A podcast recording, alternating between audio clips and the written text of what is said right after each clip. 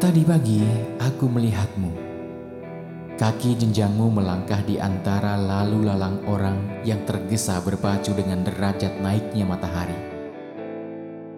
Sebenarnya bukan tadi pagi saja aku duduk di sudut trotoar ini, memandang rambut panjangmu yang keemasan tertimpa cahaya pagi.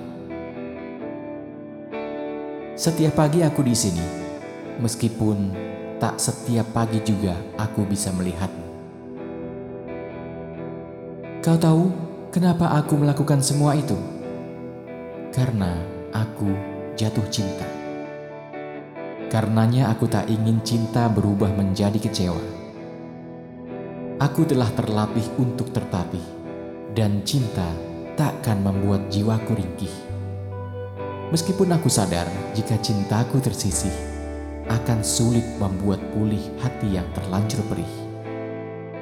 Aku tak tahu kau bergegas untuk apa dan pulang untuk siapa. Aku tak peduli. Karena melihatmu saja sudah menenangkan.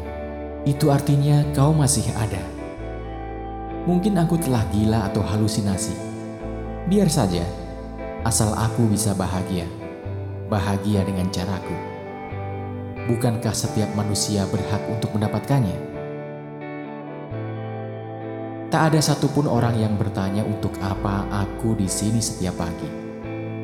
Orang-orang itu terlalu sibuk mengukur hari. Hanya aku yang kemudian tersadar untuk apa aku lakukan semua ini.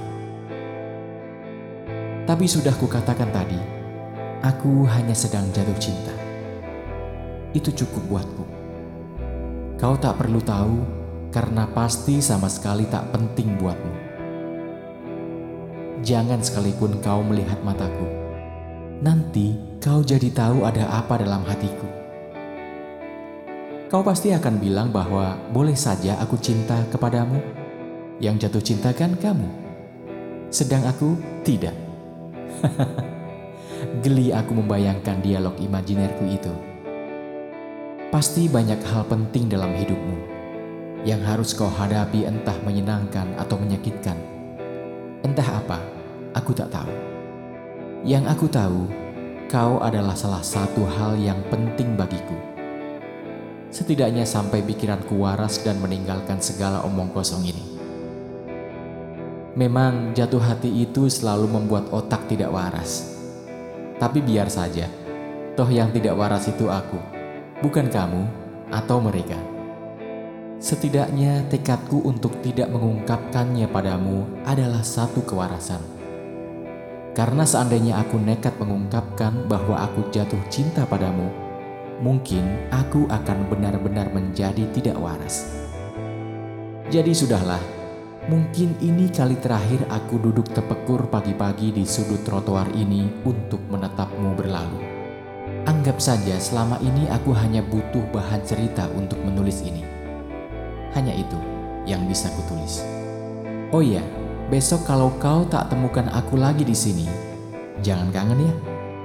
Tapi pasti kau akan menjawab, melihat aja tidak, apalagi kenal. Jadi gak mungkin ada rasa kangen. Aku nyengir, menggaruk kepala yang tak gatal dan berlalu. Dari kaca bis kota, kulihat kau menatapku dan tersenyum.